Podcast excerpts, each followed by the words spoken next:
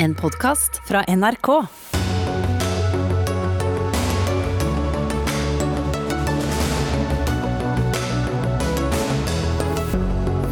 Regjeringen får kritikk av både opposisjonspartier og miljøorganisasjoner etter at det i dag blir lyst ut ni nye leteområder for olje og gass.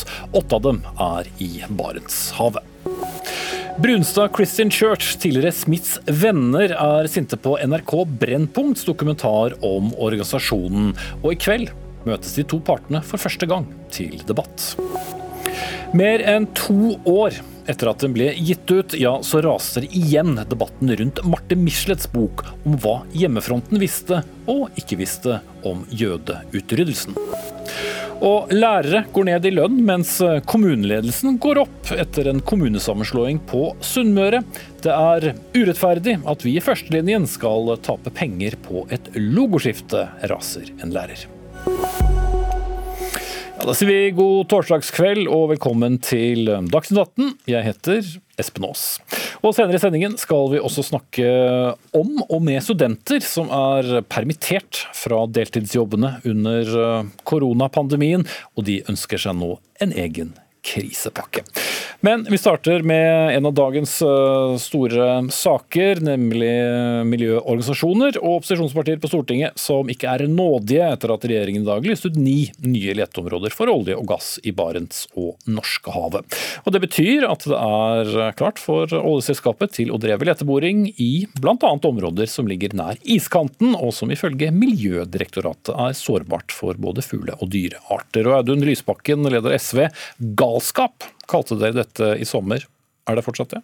Ja, altså Dette er jo kanskje de verste områdene som er valgt ut til, til, å leite etter fossil energi noensinne. Her legger også regjeringen ut en del særs verdifulle og sårbare områder, hvor både fiskerier, fugleliv, uerstattelig natur er berørt, og dels også altså svært langt mot nord, hvor vi vet at ikke bare er naturen ekstra sårbar, men det er ekstra krevende forhold for denne typen virksomhet. Så her gambler regjeringen med natur, i tillegg til at den gambler med klima og de gambler med penger.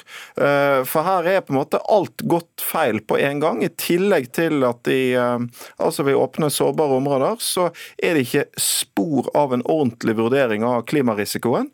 Og dette er jo dessuten også da en, en tildeling, en utlysning, i en situasjon hvor vi allerede har funnet mer fossil energi i verden enn det det er mulig å brenne, hvis vi skal unngå katastrofal global oppvarming. Mm.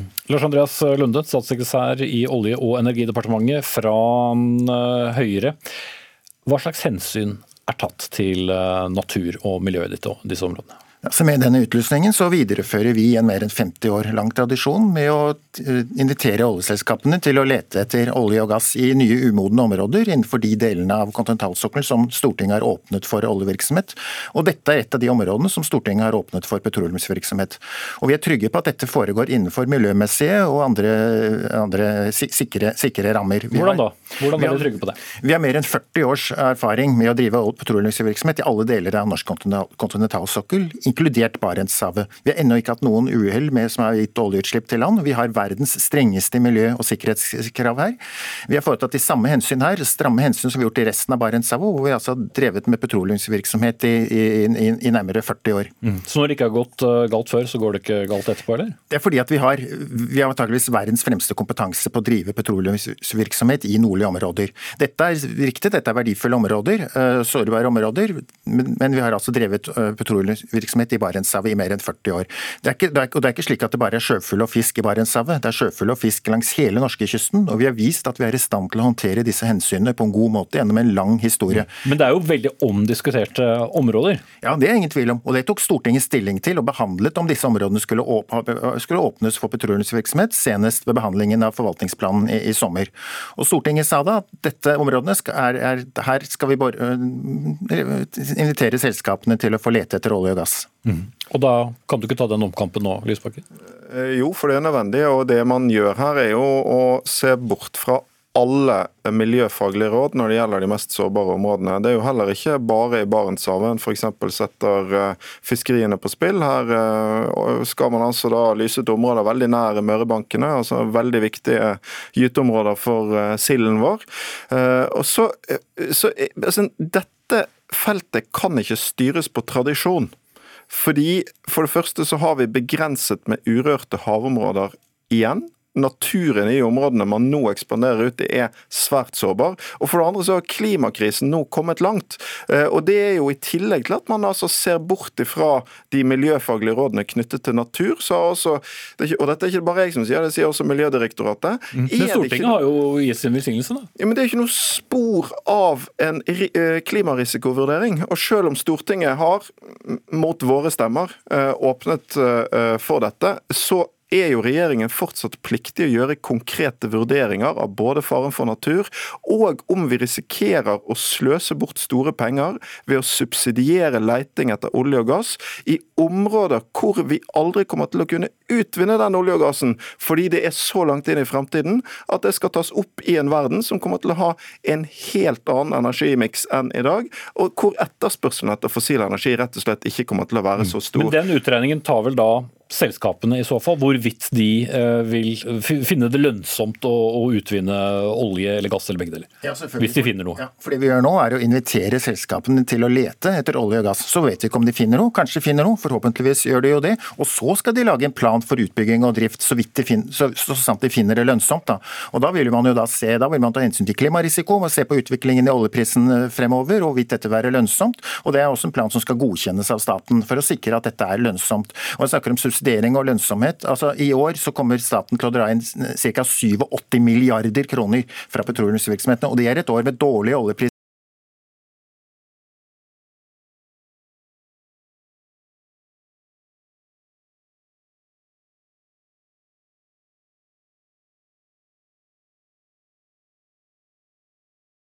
Jo, jo, men ikke det store bildet, men det er jo en form for subsidiering under den perioden hvor man leter etter uh, olje?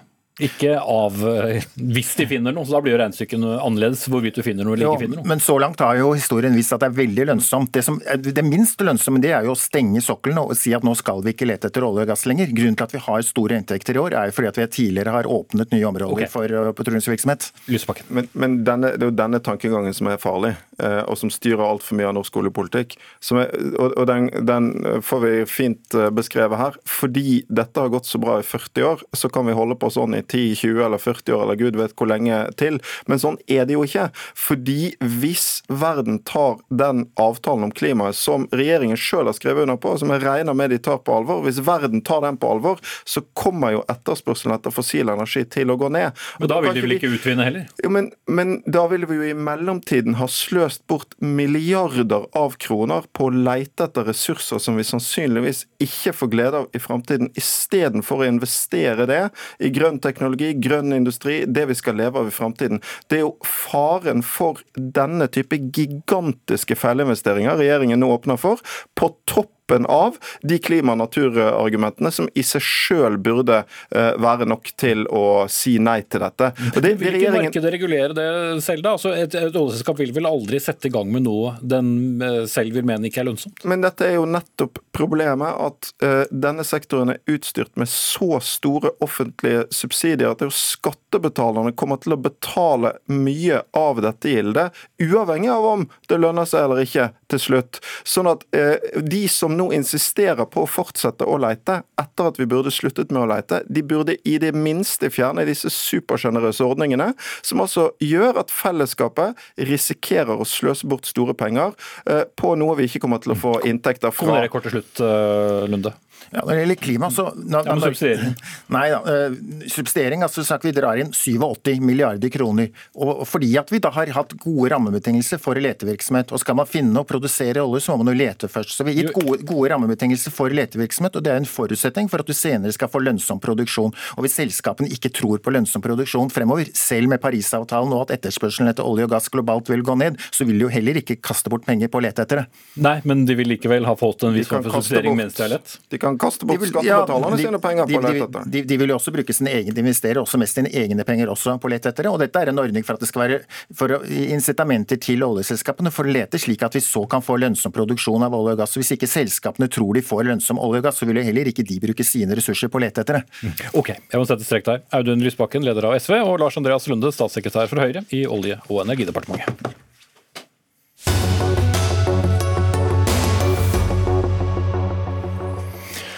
Det har eh, den siste drøye uken stormet rundt eh, NRK og den kristne organisasjonen Brunstad Christian Church, eh, tidligere kjent som Smiths Venner, etter at programmet Brennpunkt i forrige uke publiserte en dokumentar om BCC, som vi kaller dem i kortform her. En dokumentar med et kritisk søkelys på både ledelse, økonomi, ytringsfrihet og også dugnadspress. Trond Eivind Johansen, du er styremedlem i Brunstad Christian Church, og dere har reagert på programmet. Skal, du skal straks få møte Brennpunkts redaktør her, men hvis du kort kan dra hovedinnsigelsene deres mot dokumentaren?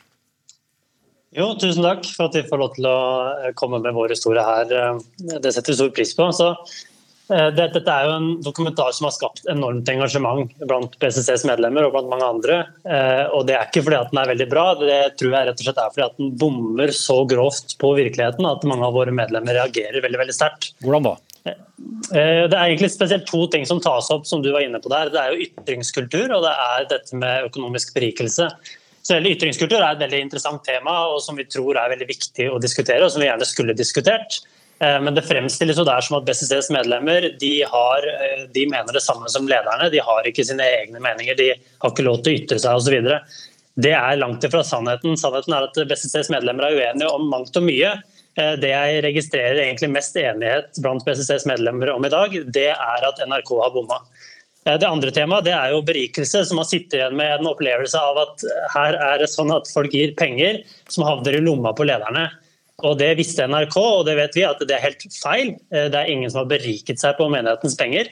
Det har både Økokrim etterforsket og henlagt. Det er gransket av revisor, vi vet det.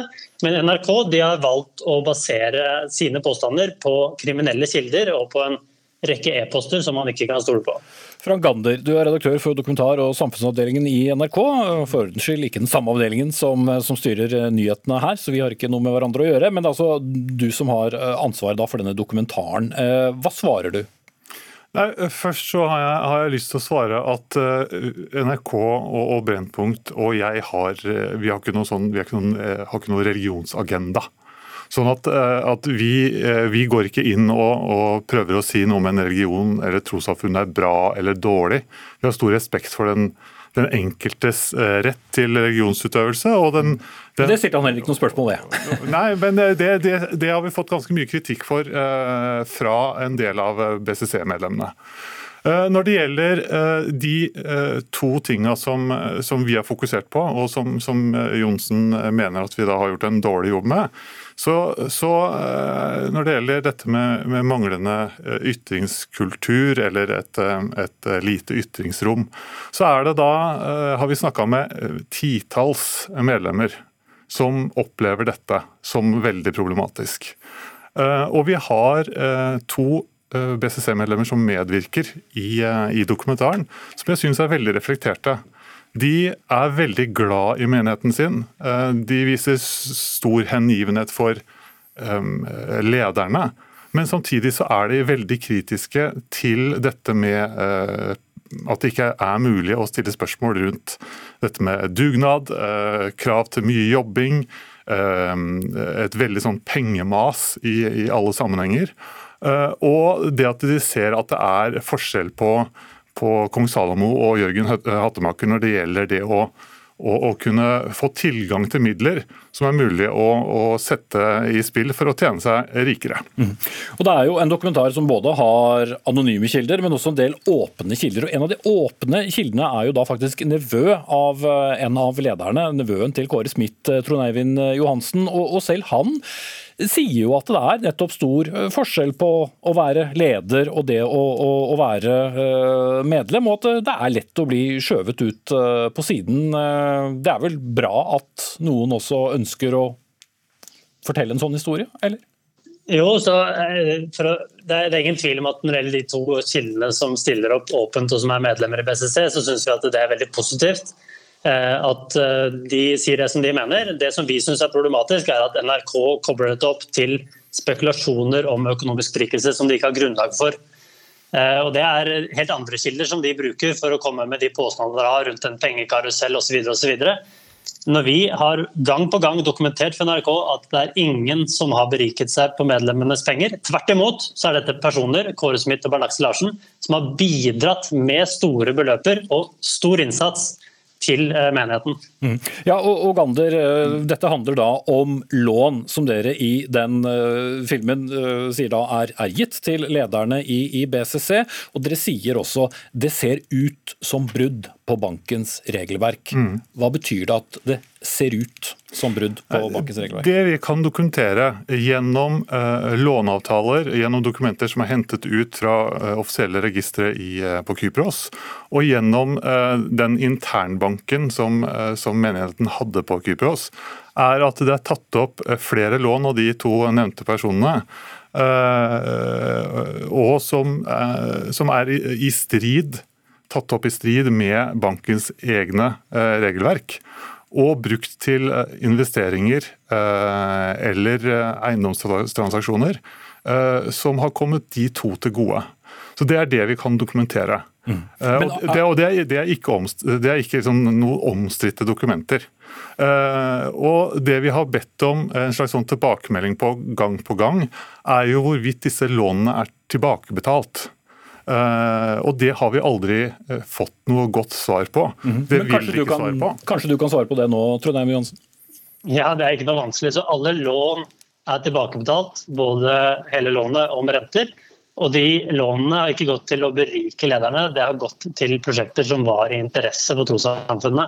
Og det var også lån som ikke var fra BCC, men fra en, eh, en cashpooling-ordning som lokalmyndighetene internasjonalt hadde. Så det hadde ikke direkte med BCC å gjøre. Så Om det er NRK som ikke forstår den dokumentasjonen de sitter på, eller om det er fordi at de hører på kildene deres, det vet jeg ikke, men de hører i hvert fall ikke på BCC, ikke på Økokrim, ikke på revisorene våre, som gang på gang har sagt at her har ingen penger havnet i lomma på lederne. Gander. Det er to forhold å si til det. Det ene er jo det at vi eh, har undersøkt helt andre forhold som enn det Økokrim har, eh, har eh, undersøkt. Så I så måte så, så er det sånn at at eh, det at eh, Økokrim har funnet et forhold, eh, og funnet at det ikke er noe straffbart ved det forholdet, så, så, har ikke de undersøkt det vi har funnet. Vi hevder heller ikke at det er straffbart, men vi sier at det er i strid med de interne reglene. Som, som banken og som, som menigheten hadde. Mm. Så Det er det ene. Det andre er jo er jo det at når, når man sier liksom at ja, alt er revisorgodkjent og, og alt Vi går med overskudd osv., så, videre, så så beviser jo ikke det noe. Altså jeg jeg har en, et, et, lån i min gamle lokalbank i Østfold. Den går med overskudd. Alt der er revisorgodkjent, men det betyr jo ikke at jeg har betalt tilbake lånene mine til den banken. Mm. Og bare ta Det direkte da, Johansen. Det Økokrim har uh, sett på, det handler ikke om lån gitt til ledere, men dette handlet vel snarere om, om, om salg av et annet uh, selskap, en lampefabrikk, eller hva dette handlet om? Så Økokrim de så på ganske mye forskjellig. De brukte tre år på å etterforske. Det var vel 8000 sider. De tok ut alle banktransaksjonene til BCC over ti år og gransket dem uten å finne noe. Eh, så jeg, jeg, jeg, vet ikke helt hva man skal si annet enn at når de ikke har klart å finne noe som de mener er straffbart. og det er, det er helt feil at ikke disse lånene er tilbakebetalt. Det viser regnskapene. Det er ingen utestående lån til disse menneskene i dag. Mm. Vi skal ta inn en tredjeperson som har eh, lyttet til dere to, nemlig deg, Bjørn Kristoffer Bore. Du er sjefredaktør i avisen eh, Vårt Land. Dere har jo dekket denne saken, dekket BCC, tidligere Smiths eh, venner, gjennom mange år. Ut fra din kjennskap, hva slags inntrykk sitter du igjen med etter dokumentaren? Nei, Den tar jo opp kritikk som BCC har blitt utsatt for i mange år. og Det er jo det ene at det er kan vi si, sterke bånd mellom lederne, som har blitt veldig rike, og, og sin private økonomi og, og, og bevegelsens økonomi.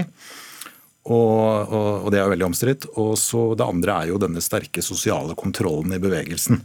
Og Det er jo, det er jo en kritikk som har blitt fremmet i, i svært lang tid. Um, selv om Brennpunkt går inn i nye områder. Det jeg syns var gledelig ved den, overraskende, og jeg gjerne vil gi kreditt til Brennpunkt for, er jo at de får fram medlemmer, altså som dedikerte medlemmer, som står midt i bevegelsen, men allikevel tør å snakke åpent og ærlig om både positive og negative sider.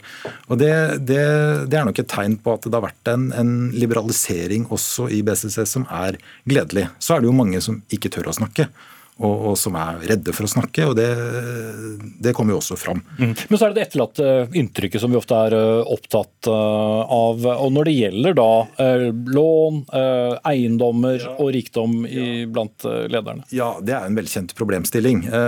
Litt sånn spøkefullt så sier man jo i journalistkretser at hvis det er et spørsmålstegn i tittel, så er svaret nei. og, og, og programmet tar jo for seg ganske tydelige bindinger mellom ledelsens privatøkonomi og bevegelsens økonomi, eh, med denne internbanken på Kypros osv. Men, men i programmets innsag så insinueres det indirekte at, at Bernt Aksel Larsen og Kåre Smith skal ha blitt rike på bekostning av bevegelsen. Og det er jo ikke tydelig dokumentert. Mm. Eh, det er store eiendommer, vi ser en TV-kanal, det er et verdensomspennende nettverk. Eh, Smiths Venner, eller BCC, er jo en gammel organisasjon, men den har endret seg fundamentalt i løpet av en del år? Ja, eh, det har den. Og, og det har skjedd en del de siste årene. Det startet jo litt med at man fant noen brev i en safe for tre år siden fra Johan Oskar Smith, altså bestefaren til Kåre Smith, som grunnla bevegelsen. Der det framkom at hans opprinnelige visjon for bevegelsens tro skulle være litt mer liberal enn den har vært. Altså, man ser da at han ønsket at tilgivelsen skulle være, skulle være, sterkere til stede i bevegelsens lære. Og dette var det da ledere som fulgte etter han, som hysjet ned og fjernet for å gjøre troen mer strengere. Og så har vi jo sett at, at Eh, dagens nye ledere signaliserer en større grad av åpenhet. At de sier de ønsker å forandre bevegelsen. Og, og til og med så ga jo altså Kåre Smith ga jo i år sitt første intervju på 23 år. Og Det ga han til Vårt Land. og Han sa det var da det første intervjuet på 23 år, og det blir det siste i hans liv. Eh, og det, det sier jo litt mye om de, de, gamle ledernes forhold til åpenhet. Og Der signaliserte han at han tok en del selvkritikk og signaliserte en oppmyking. og Det, det, det vekte jo mye optimisme hos mange medlemmer og eksmedlemmer i BCC. Og så er det jo mange som oppgir at de har blitt litt skuffet i ettertid over hva som faktisk har skjedd. Så det blir veldig spennende å se eh, utviklingen i BCC framover. Mm. Det er eh, fortsatt mange åpne spørsmål, og det er både venner og uvenner. Eh, takk skal dere ha alle tre. Bjørn Kristoffer Bore, sjefredaktør i Vårt Land. Frank Ander, redaktør for Dokumentar og samfunn her i NRK. Og Trond Eivind Johansen, styremedlem i BCC.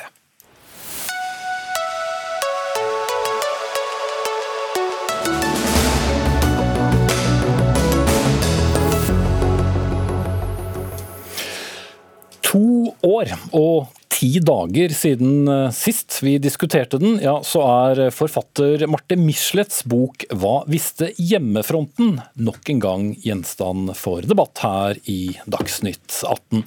For eh, siden den gangen så har tre historikere gått gjennom boken, skrevet en egen bok, der de mener å påvise så mange feil at konklusjonene i den opprinnelige boken ja, de må forkastes. I en kronikk i Aftenposten i dag har de fått et tilsvar, og vi skal komme til det. Men eh, for de som ikke har fulgt debatten like tett, så må vi til sakens kjerne. Og Elise Berggren, du er en av tre forfattere i, i denne boken. Rapport fra en gjennomgang av Hva visste hjemmefronten. Hva er de grove feilene ved den opprinnelige boken, hvis vi skal eh, ha et slags overordnet blikk på det? Altså, vi har gått grundig gjennom 32 av konklusjonene i Hva visste hjemmefronten, og funnet at sentrale konklusjoner i boken i liten grad støttes av kildematerialet. Og her er det ikke snakk om spredte eller få feil, men et, eh, et gjennomgående omfattende problem med mm ved boken. Og type feil vi har funnet, er f.eks. Eh, sitatkutt. Eh, det er feiltolkninger av kilder. Det er en selektiv kildebruk og utelatelse av sentrale kilder. Og som sagt, dette er, eh, dette er det mye av, og det er gjennomgående. Mm. Men det er jo, mm, som du påpeker, og også i boken for alle som har lest den, det er, det er, det er mange kilder. Det er kilder i deres bøker også. Men, men finnes det egentlig en fasit om hva hjemmefronten visste om holocaust og hva som skjedde med norske jøder? Mye av det vi diskuterer her, er ikke tolkningsspørsmål. Altså Tolkningsspørsmål er selvfølgelig legitime i, i alle fagfelt, men mye av det vi har bevist, er da beviselige, eh, beviselige feil som utgjør et, et problem ved, ved boken. Mm. Dere har da etterlyst et svar. Det, det, kom altså som sagt i Aftenposten fra deg, Reidar Midde Solberg, forlagssjef for sakprosa i Gyldendal, som ga ut boken. Og hovedfunnene de står like støtt som før, skriver du der. Hvordan kan du si det? Altså, vi er jo først og fremst fortsatt veldig stolte av å få lov til å gi ut bøkene til Marte Michelet. Eh, og vi mener at eh, funnene står støtt. Og det jeg mener med det, er at Marte Michelet, da hun ga ut sin bok i 2018, kasta helt nytt lys over ting som aldri, eller knapt, hadde blitt debattert i norsk offentlighet. Eh, den utbredte antisemittismen, varslene som fantes, et intervju Gunnar Sønsteby hadde gjort på 70-tallet, Eh, og at det også var profitt i flukten. Så dette er ganske store, viktige temaer som Marte Michelet tar opp i sin bok. Mm. Men er da alle sitater riktige, eller er noen av dem korte? Altså hvor, hvor nøye går et forlag som Gyllendal da gjennom en sånn bok, når da tre andre historikere ser ut til å mene noe ganske annet? Veldig nøye. Eh, eh, vi, dette har jeg skrevet om i Aftenposten i dag. og da vi ga ut denne boken i 2018, så skjønte jo vi at det kom til å bli veldig mye bråk. Eh, så vi hadde en veldig grundig gjennomgang. Marte Michelet hadde selv jobbet fire år med denne boken. Eh, vi hadde svært nøye arbeid med manus. Vi hadde mange historiske fagkonsulenter og andre medlesere. Og en grundig faktasjekk helt generelt. Eh, og Dere kjenner jo også eh, historiefaget, og det er klart at en del av de tingene som tas opp i, i den opprinnelige boken, står vel også i kontrast med arbeid som dere har, har, eh, gjort tidligere. Er det fortsatt litt kampen for hvem som har skrevet den riktige historien? Nei, dette er ikke snakk om den riktige historien. og Jeg vil gjerne imøtegå et par av påstandene du akkurat kom med, f.eks. dette med, med antisemittisme. Et, eh, et, av disse temaene som er forsket mest på innenfor Holocaust Norge, er jo nettopp antisemittisme. Eh, verkene over eh, alle arbeidene som har sett på antisemittisme i Norge og jødisk historie i Norge, det er over 150 av dem. Det er minst 150. Mm. Så ideen om at dette her er, noe nytt som, som Michelet bringer fram, det, det stemmer overhodet ikke. Og Jeg reagerer også på at, at forlaget sier at uh, hovedkonklusjonene til Michelet uh, står seg, uh, etter at vi har nøye dokumentert at det er store problemer med kildegrunnlaget for sentrale konklusjoner i Marte Michelets bok. Og Dersom Gyldendal skal tas seriøst som en, en utgiver av faglitteratur i Norge, så må jo også vår bok og vår kritikk tas, tas, på alvor. Og Det er viktig for den offentlige samtalen, og også for samtalen om historiefaget i Norge. Eh, og det gjør vi. Eh, vi tar dette på alvor, og vi eh, kommer denne boken i møte.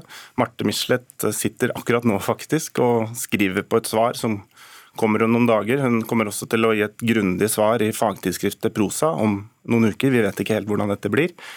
Nå er det jo sånn at Først så brukte Marte Michelet fire år på sin bok, og så har dere brukt to år på, den, to år på denne boken. Eh, og Vi må også få lov til å gå ordentlig inn i hele kildegrunnlaget, sånn at vi skal kunne svare skikkelig. Mm. Men dere har også nyansert enkelte påstander i en ny utgave av boken, og beklaget overfor noen etterkommere av et par aktører, eh, så da var det ikke helt riktig? Det er riktig. Og, og, da vil jeg også si at uh, for det første så ble jo denne boken veldig grundig debattert i 2018. Så det er ikke helt unaturlig at det da dukker opp ting som det er behov for å, å korrigere. Og for det andre så er det faktisk vanlig i sakprosautgivelser at, at, at, det dukker opp uh, ting som bør justeres. Men jeg hadde bare lyst til å svare på en ting som Elise Bergen sa, og det er vår tradisjon som utgivere av nettopp krigsbøker. Dette er jo en helt avgjørende del av Gyldendals tradisjon å gi ut bøker om krigen. Og, og, veldig mange av de har skapt stor debatt. Og det, det tenker vi sånn dypest sett er bra. At vi diskuterer krigen og prøver å finne ut hva var det egentlig som skjedde. Eh, og Det er også det vi skal bidra ved nå, ved å, ved å gå dypt inn i denne. Og, og Marte Michelet vil som sagt komme med svar. Mm. Jeg ønsker å kommentere det du sa om, eh, om at uh, rett feil er rettet på. For det har jo både dere og Michelet gjentatt i, i, flere avisartikler i det siste. Og det er jo kun et fåtall av feil som er påpekt som er rettet i den andre utgaven av boken, og de har heller ikke endret på flere av hovedkonklusjonene eller noen av hovedkonklusjonene som, som Michelet har kommet med. Og så må det jo også sies at dersom man skulle rette på de feilene som vi påpeker, de beviselige feilene som vi påpeker, så vil det gjøre at man må forlate flere av Michelets hovedkonklusjoner. Det er altså ikke mulig å rette opp, opp i dem uten å forlate mange av dem. Men, men, du snakker om store feil, bare for å konkretisere for de som ikke kjenner uh, boken. Altså, hovedspørsmålet er jo hva, hva visste hjemmefronten om uh, deportasjon uh, og, og, og, holocaust. Men altså, hvilke store feil er det du mener fortsatt da gjenstår i, i boken til Michelet, og som, som Gyldendal da um, har gitt ut? Altså, Jeg kan jo ikke nevne alle, alle eksemplene. Nei, men det, er store, andre, altså, men, åpenbare feil, da. Eh, typiske feil er, er sitatkutt, eh, det er feiltolkning. Ja, ja, det sa du, men altså, du snakker om store feil, altså, og, og, da må det være noe som rokker ved hovedkonklusjonen om hvorvidt eh, folk i motstandsbevegelsen visste mer enn vi har hatt inntrykk av tidligere. Uh, Jeg kan ta et par konkrete eksempler. Uh, F.eks. så fremstiller Michelet det som om, eller man leser for inntrykk av å lese Michelet, at jødene kom raske, nei, at studentene kom raskere over grensen enn en jødene. Studentene måtte flykte høsten 1943, et år etter eh, jødene. Men dette stemmer ikke. Jødene kom raskere over grensen enn det studentene gjorde. Det er, er, det en stor feil? er det en stor feil? Hun bruker den for å bygge opp under påstanden om at eh, hjemmefronten eh, satte lite inn for å hjelpe de norske jødene, og at alle midler ble satt inn når det var studentene som skulle hjelpes. Solveig jeg tror ikke at vi er eh, helt på samme linje når det gjelder begreper som store feil og beviselige feil og sånn. Eh, og Det er også noe av grunnen til at vi mener at hovedfunnene står, og at utgivelsen står. og som sagt så jobber Marte Michelet med å besvare mange av disse spørsmålene. Og jeg som forlagssjef kan ikke gå inn i en debatt om den type detaljer. men men jeg kan si at vi, vi kommer til å svare på dette. Mm. Det jeg kan konkludere med, som også ledet debatten for ti dager og to år siden, er at frontene fortsatt er steile. Vi ser frem til svaret fra Morten Michelet, og så tror jeg sikkert det blir mer debatt eh, rundt eh, denne. Takk til Elise Bergen, medfatter av boken Rapport fra en gjennomgang av Hva visste hjemmefronten, og Reidar Midde Solberg, forlagssjef hos Gyldendal.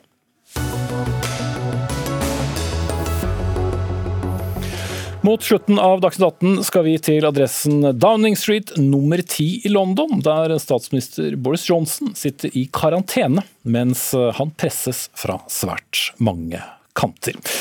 Nå derimot skal vi til Ålesund. Etter at kommunene Haram, Sandøy, Skodje, Ørskog og nettopp Ålesund i Møre og Romsdal ble slått sammen i januar, ja så har flere av lærerne i den nye kommunen gått ned i lønn. Samtidig har flere av topplederne i nye Ålesund kommune fått solide lønnstillegg, ifølge nettstedet Fri fagbevegelse. Og Kristian Holstad Lilleng, du er lærer og hovedtillitsvalgt for Skolenes landsforbund i Ålesund. Rent konkret, hvordan har du merket på, på pungen eh, denne sammenslåingen? Eh, for meg personlig så har det vært minus på 6000 kroner. Eh, og jeg er ikke blant de verste, der er både lærere fra, eller kontaktlærere fra gamle Skøye kommune som har mista 5000-6000 kroner, og ute på Sandøy har det vært opptil 10 000 kroner tap. Og Hva er forklaringen du har fått på at eh, du må ta da dette lønnskuttet? Nei, Det er rett og slett at det ikke er midler i kommunen til å gjøre det. Så har man da, da gjort en, en, forhandling med Utdanningsforbundet som har gjort at det har blitt disse utslagene her. Mm.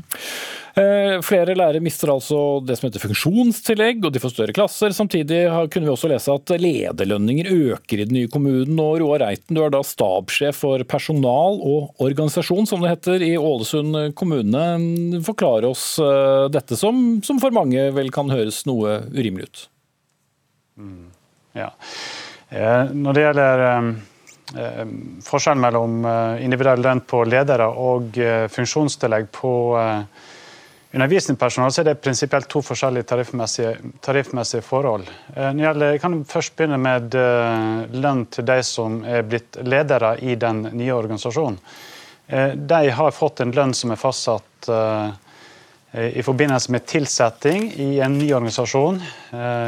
Altså en organisasjon som er 40% større enn det som er det som faktisk var gamle Ålesund. Eh, og det nye ansvar, eh, nye oppgaver, eh, ny kompleksitet. Så det, det er gjennomført en tilsettingsprosess tilbake i 2017, 18, 19. Og der de som har fått en lønn, har fått den av gjelder kommunedirektør av et politisk utvalg. Av de som er tilsatt i toppledergruppa, så er det, er det kommunedirektør. Mm. Så det, det, er bakgrunnen for det. Når det gjelder det som vi egentlig diskuterer her, og det som Lilleng tar opp, er at funksjonstilleggene har fått et likt utgangspunkt, uavhengig av om en er i en tidligere kommune i f.eks. Sandøy Skøye eller i gamle, gamle Ålesund. Mm. Vi har hatt behov for ja. ja.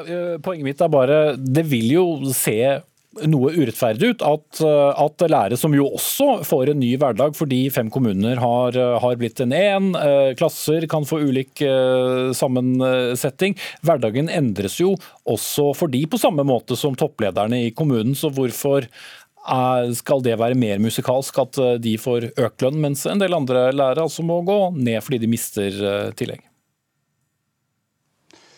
Ja, nå vet jeg ikke helt enig i prinsippet i forhold til Eh, ansvar og endring.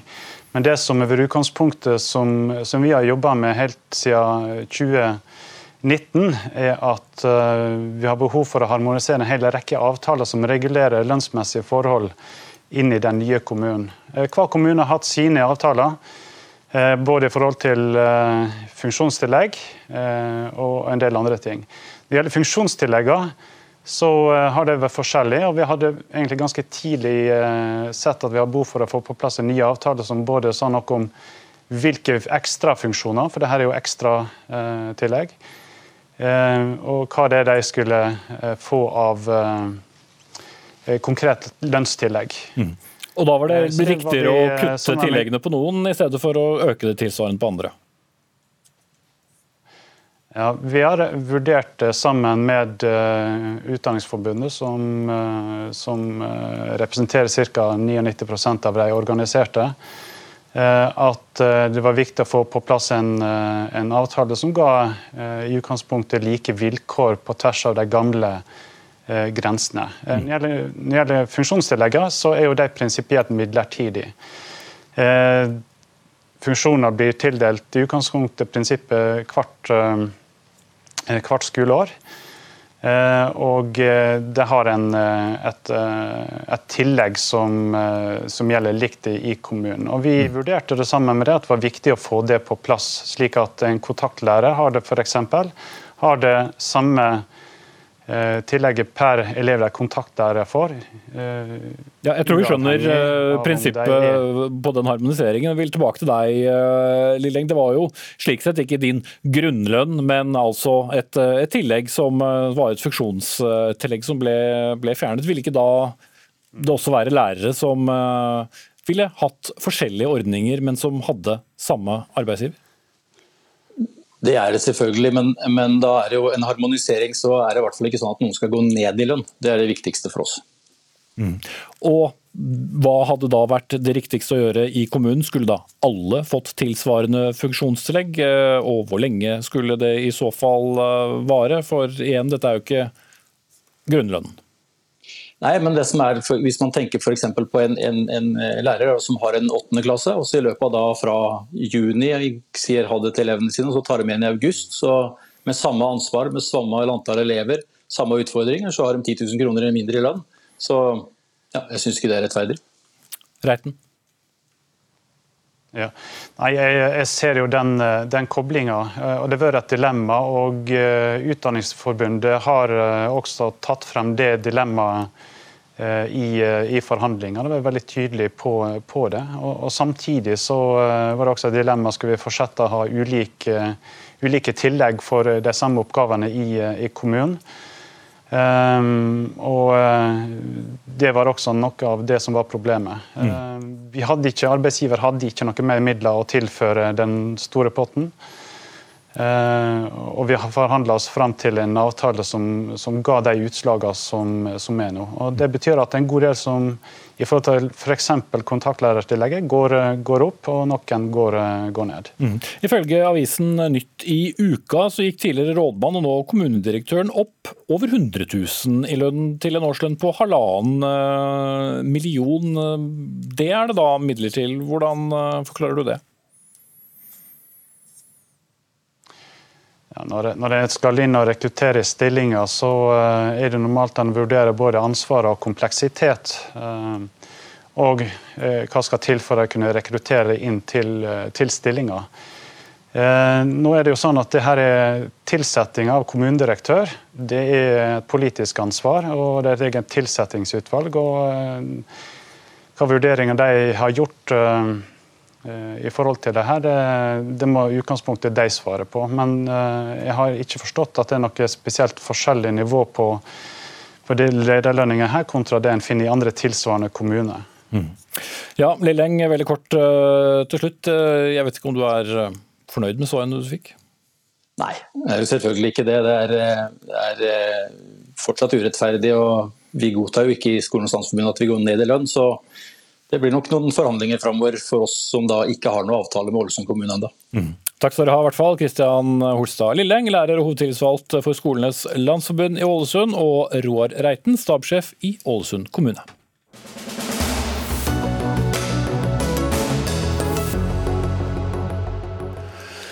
Mange studenter har uh, spedd på eh, studielån med deltidsjobb ved siden av studiene, men pga. korona er mange permittert. og Dermed er det bare stipend igjen å leve på, og studentene ber nå om en ny krisepakke. For ellers så må de be om penger hjemmefra, eller benytte seg av egne oppsparte midler, skriver Universitas. Men det kommer ikke noen dagpenger eller kriseordninger med det første. Og Andreas Trohjell, du er leder for Norges studentorganisasjon. Ehm, hva slags eh, kriseordning er det du mener dere bør ha rett på? Jeg mener at studenter som er skattebetalere, som eh, står i arbeid ved siden av studiene sine, de skal ha rett på den samme type ordningen som andre arbeidstakere har. Sånn som det er nå, når vi ser nye permitteringer, så eh, har kollegaene dine som ikke har inntekt fra Lånekassen, som ikke er studenter, de får dagpenger. Men hvis du er student, så gjør du ikke det. Mm. Men sånn har det jo alltid vært. Ja, men vi har jo ikke sett en sånn type pandemi som vi har, eh, har, nå.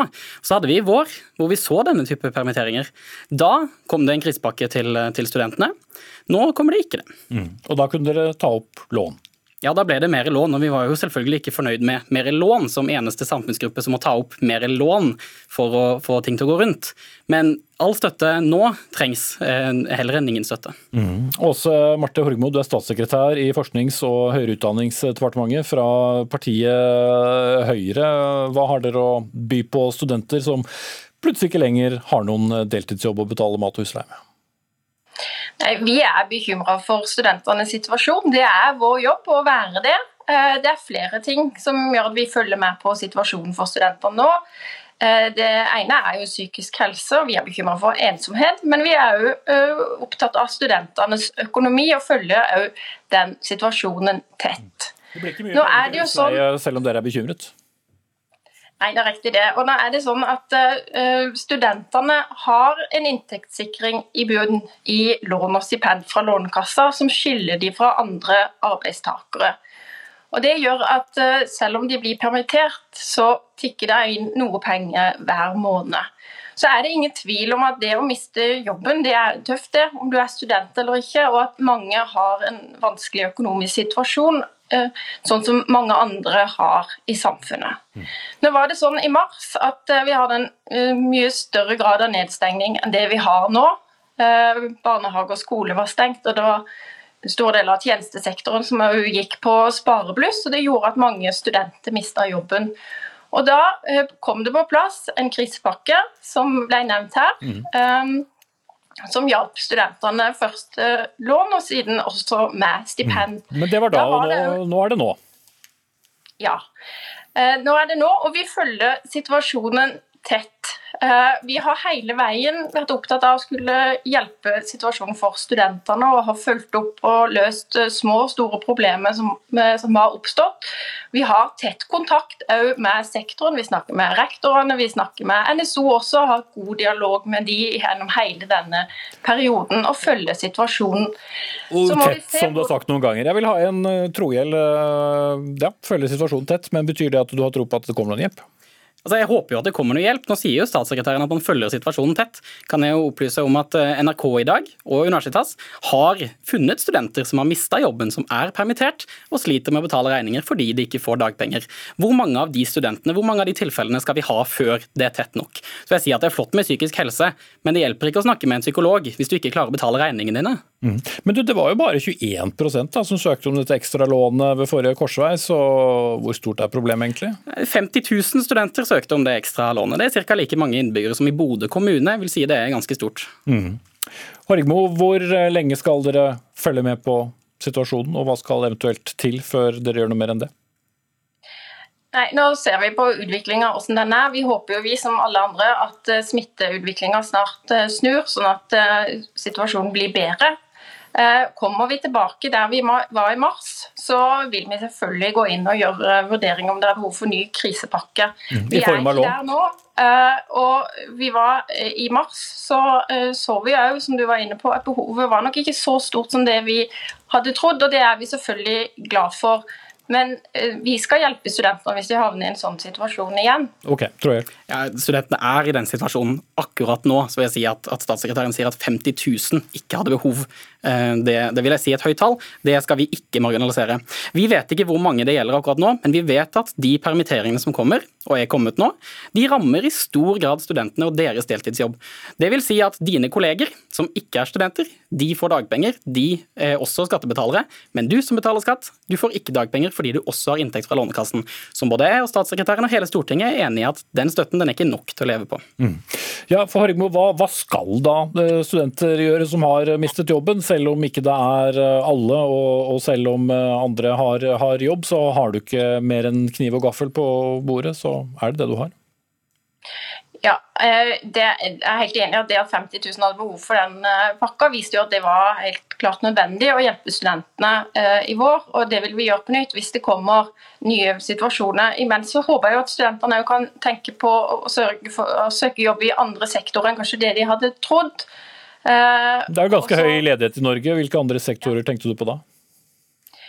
Nei, Det er jo andre sektorer der det går bedre eh, også. Eh, men det er klart det er helt riktig, det er høy ledighet. Det er mange som har det vanskelig nå. Og vi, eh, Det er vår jobb å hjelpe studentene, og vi følger de, selvfølgelig følger vi som jeg har sagt nå, tett den situasjonen men vi er ikke der som vi var. Mm. Og så er Det sånn at eh, det har vært enighet om at det er eh, Lånekassa som har vært løsninga eh, for studentene. og Det fikk vi også ganske klar beskjed om fra Stortinget i vår. At det var ikke Nav som var det sporet som vi skulle bruke for studentene. Så det blir og det er jo litt av forklaringa til hvorfor det er en anordning. Nei, og Hvis det da blir en ny situasjon, som du har sagt noen ganger nå, så er det da i så fall et nytt eh, kriselån fra Lånekassen som vil bli tilbudt studenter som har behov, eller? Ja, nå eh, har vi jo ikke gjort alle de vurderingene på hvor vi lander, men eh, det er jo Det var i vår sånn at Nav var i ferd med å knele. Stortinget var klare på at det var Lånekassa som skulle være løsninga for studentene. Ehm, ja, det har du sagt. Men jeg forstår ikke om du mente at det da ville bli et nytt uh, lån som ble tilbudt eller ikke?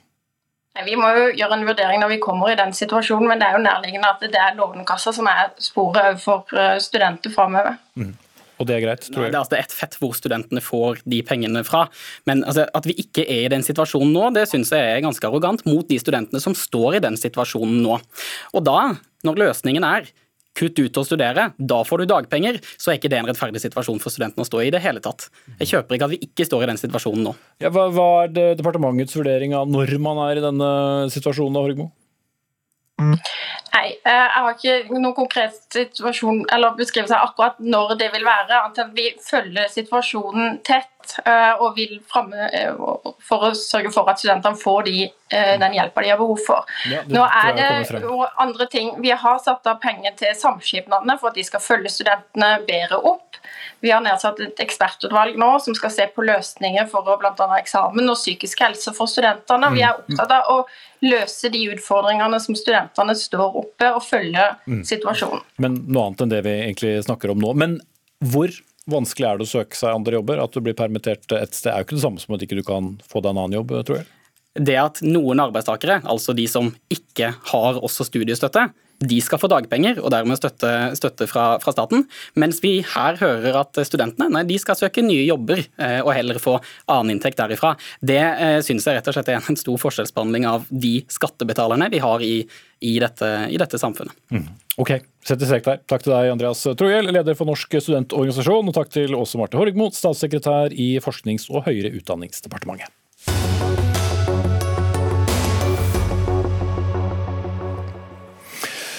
Så skal vi til eh, Storbritannia og London og landets konservative statsminister eh, Boris Johnson, som eh, utvilsomt har noe å holde på med om dagen. Det mangler fortsatt en endelig brexit-avtale før overgangsperioden er over. Han faller på meningsmålinger, han har måttet isolere seg i Downing Street nummer ti etter å ha vært for nære en med koronavirus, og to viktige rådgivere jobber ikke lenger for ham. Og Øyvind Nyborg, vår mann i London, hvordan klarte Boris Johnson å havne her? Ja, eh, det er mange grunner, men det, det har vel kanskje aldri helt gått uh, så bra helt siden koronapandemien uh, inntraff. han kom seint på banen og har kanskje aldri kommet seg igjen helt etter det. Og, men det du kanskje sikter mot, er jo den giftige maktkampen vi har sett i Downing Street nå de siste par ukene, der partneren hans, Kerry Simons, ifølge i hvert fall noen, har nærmest styrt eh, sjappa gjennom en WhatsApp-gruppe fra statsministerleiligheten og eh, satt seg til eh, motverge mot da den kjente rådgiveren Dominic Cummings og hans folk. De mener at de har fått for mye makt over Boris Johnson, ikke har taklet koronakrisen godt nok. Og Cummings selv har vel heller også stått for en veldig aggressiv Eh, politisk eh, stil, eh, en stil som de vil vekk fra. Mm. Og selv om da denne veldig omstridte Dominic Cummings har pakket snippesken og forlatt Downing Street for, for siste gang, så er det jo da helt åpent hva Boris Johnson gjør videre, og hvorvidt denne maktkampen da er over. Både internt på statsministerens kontor, men vi har jo også en regjering sammensatt av ganske mange ministre og statsråder som har litt forskjellige meninger, bl.a. om hva som skal skje med brexit fremover. Ja, og det er jo klart at eh, det er eh, eh, Boris Johnsons store problem. Det har jo også vært veldig mange i hans eget parti som har vært veldig i opprør i, i forhold til den trusselen overfor EU med å rive i stykker deler av utmeldingsavtalen og sånn sett også bryte da en internasjonal avtale. Det er store deler av partiet som mener at det har vært uanstendig og ikke verdig et konservativt konservativt parti. Så Boris Johnson har jo hatt press fra mange hold. Han har jo også blitt tvunget til eh, en rekke snuoperasjoner eh, i løpet av eh, sommeren. Annet tenker jeg på dette med skolemat til, til fattige barn, en kampanje som Rashford i Manchester United har vært veldig opptatt av. Så det også er noe av bakgrunnen for at disse to kjente rådgiverne nå har fått måtte ta, av lua rett og slett, og, og en pappeske og gå. Erik Mustad, høyskolelektor ved Universitetet i Agder, også forfatter av flere bøker om, om eh, britisk eh, politikk. Det har jo ikke akkurat vært noen paradegren å være britisk eh, statsminister de siste årene. Men hvor hardt presset mener du Boris Johnson er nå? Denne maktkampen som har foregått i kommunikasjonsavdelingen mellom eh, Boris Johnsons partner og disse to kommunikasjonsrådgiverne, deriblant kommunikasjonsdirektøren Likain, eh, viser egentlig at dette her har vært ganske vanskelig for Boris Johnson. Uh, Claire Simmons, som er tidligere uh, kommunikasjonssjef i det konservative partiet, har aldri vært spesielt glad i Cummings og den makten Cummings har fått. Så uh, denne maktkampen har tatt på Boris Johnson. og så er det alle disse U-svingene som Nyborg er inne på her, alle disse politiske retrettene han, han, har foretatt. Det har gjort det svært vanskelig for han å styre på en måte som kanskje han ønsker å styre på. Men Johnson er en statsminister som er avhengig av en heiagjeng og avhengig av en masse rådgiver for i det hele tatt å kunne styre. og de har sviktet svikter han på, på, mange områder, og dermed har han heller ikke klart å gjennomføre de tiltakene bl.a. mot korona. Han har ikke fått noe avtale med EU i havn, og det er veldig mange utestående politiske saker. Mm. Og så er det jo ekstra pikant at uh, den andre store personen midt oppi denne maktkampen uh, er jo hans uh, nærmeste også på privaten. Ja, det er det. Så, så her eh, har det vært veldig vanskelig for Johnson å stå og se på denne maktkampen. Den har foregått ganske lenge. Eh, det var først og fremst da, da Cummings eh, annonserte sin avgang til jul at dette kom eh, for fullt i britiske medier, og også her hjemme. Men dette her har foregått eh, gjennom hele 2020 etter valgseieren eh, for, for snaut et år siden. Så, eller drøyt et år siden. Så denne, denne maktkampen har vi sett egentlig hele veien. Og vi har sett Johnson forsvare spesialrådgiver Cummings ved flere anledninger, også da han tok denne nokså famøse turen til Nordøst-England eh, under eh, lockdownen, eh, og brøyt av de reglene som han selv hadde vært med å utføre utforme. Så det, det, er klart det har vært en, en, maktkamp hele veien her, og det har vært vanskelig for Boris Johnson å navigere eh, mellom partifeller som du nevnte innledningsvis, som har vært veldig imot den måten regjeringen har håndtert koronaepidemien på, eh, men også den måten Boris Johnson har gått ut veldig fort og annonsert ting, varsla nye steg eh, på forskjellige politiske områder, for så å, å, gjøre en retrett igjen. Så dette har vel egentlig karakterisert eh, ikke bare høsten, men, men fra våren og koronaepidemien inntraff. Disse disse retrettene som han har tatt på flere politiske arenaer. og det, det, hemmer en statsminister, det er ingen tvil om det. Mm. Og mens disse spillbrikkene faller eh, rundt på, på spillbrettet, Øyvind Nyborg, du eh, har jo nylig vært eh, hjemme i Norge og returnerte til London. Og det er London som både velgerne til Boris Johnson og til Labour, altså opposisjonspartiet, de sitter jo i en koronasituasjon som er ganske annerledes enn den vi har i Norge. Ja, jeg kan fortelle deg Espen, at uh, ditt uh, andre hjemland ikke egentlig er så veldig trivelig å, være i nå. Det er Folk henger rett og slett med huet. Økonomien er den, den stuper, og, og, det dør nå 500 om dagen her. Så det er et, et dystert bakteppe for brexit-forhandlingene som, som, kan i verste tilfelle ende med uten noen avtale. og I så fall vil jo da Storbritannia rammes eh, dobbelt opp eh, av dette, av et økonomisk eh, kaos i, i tillegg til pandemien som, som man står oppe, oppe, i. Men det er lyspunkter fra Brussel. Man tror kanskje nå at det er ganske nært at man er enig om fisk. Det har jo vært i hvert fall et symbol tungt eh, område. Men så er det området som gjelder den britiske sorry, den irske øya, og, og, og, der er man ikke helt i mål ennå. Mm, og Klokken den tikker mot 31.12, hvor denne overgangsperioden da løper ut. Men Erik Mustad, samtidig med alt dette, så har jo det konservative partiet for alvor fått konkurranse også om velgerne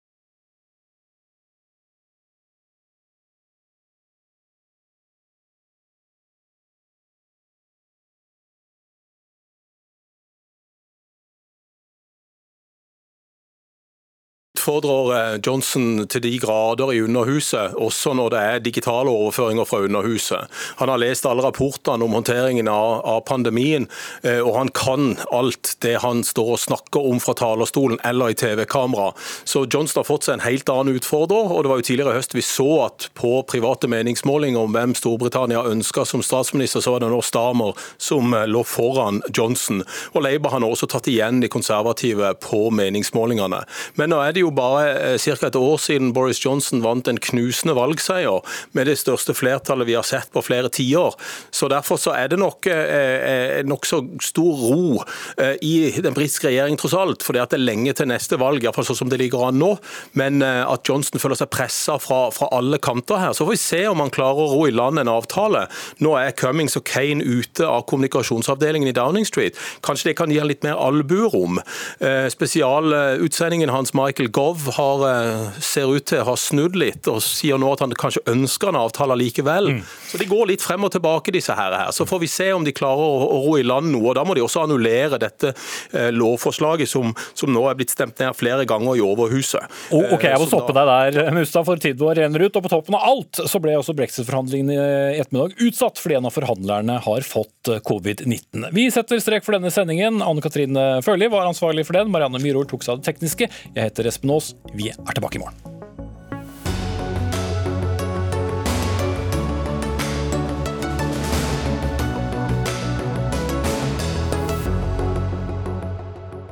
Du har hørt en podkast fra NRK.